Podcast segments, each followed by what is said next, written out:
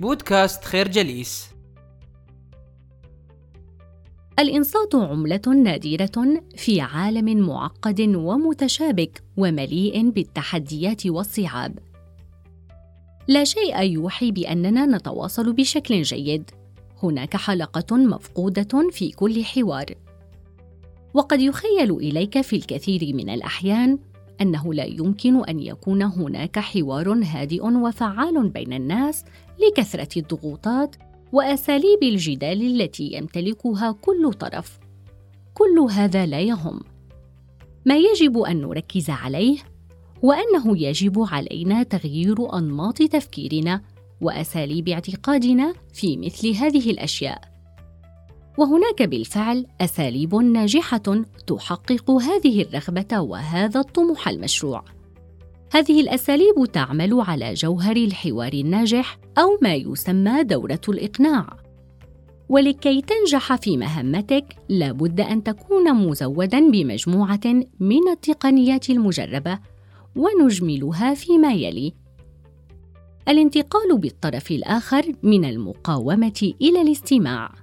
من الاستماع إلى التدبر.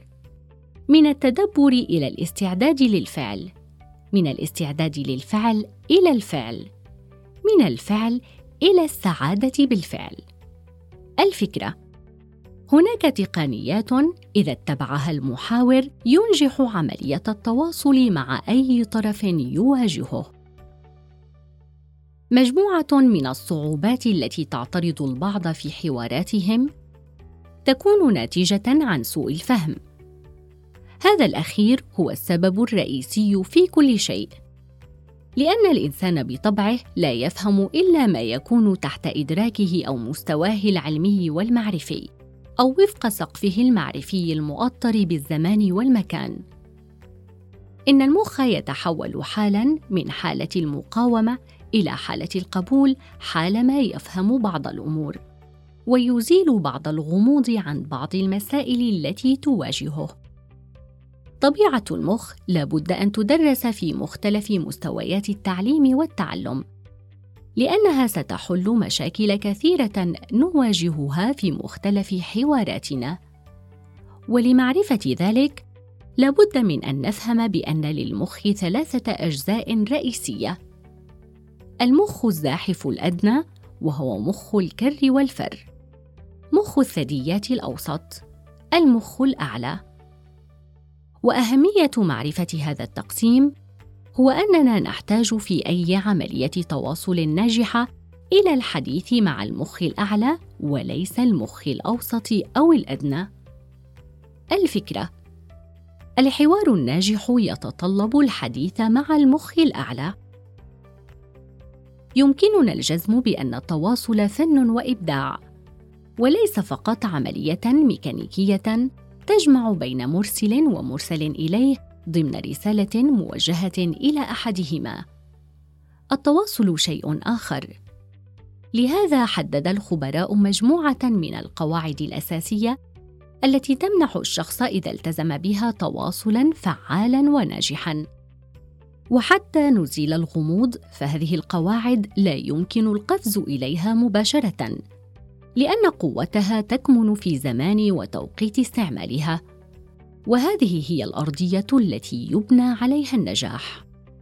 واختصارا لهذه القواعد يمكن أن نجملها فيما يلي. انقل نفسك من وضعية المقاومة إلى القبول. تواصل مع نفسك اولا قبل أن تتواصل مع الآخرين. تعامل بذكاء مع المواقف المتوترة. إصدار كلمات تعبر عن مشاعرك في كل مرحلة. الفكرة: التواصل الفعال يحتاج إلى قاعدة وأرضية صلبة تمثلها قواعد التواصل. التواصل إذا أردنا أن يبلغ مداه ويثمر نتائج إيجابية، لابد من أن يوجه إلى الوجهة الصحيحة فهناك الكثير من الأشخاص السامين يحيطون بنا من كل جانب ويعملون في السر والعلن من أجل إجهاض كل تواصل قد يحدث بين الأشخاص فوجب الانتباه. نقول ذلك لأن التواصل مع بعض الأشخاص يكون خطأ من الأساس ولا يمكن تبريره بأي حال من الأحوال. الأشخاص السامون مهمتهم في الحياة هي قطع التواصل وإغضاب الناس. وبدل أن يضيع الإنسان جهده ووقته من أجل إقناع مثل هذه النماذج المحيطة بنا فليفكر مليا كيف يطهر دائرته ومحيطه القريب والبعيد من مثل هؤلاء. والكتاب بالرغم من أنه يدعو لقيمة الحوار والإنصات وحسن الإصغاء الا أن هذا لا يمنع من الإشارة إلى السلبيات التي تلحق بأي تواصل يكون أحد أطرافه شخص من هؤلاء الأشخاص. لهذا وجب الحذر ممن يريد أن يدمر حياتنا أو من يجعل سعادته رهينة ببؤسنا وأحزاننا. الفكرة الأشخاص السامون معيقون للتواصل الإيجابي.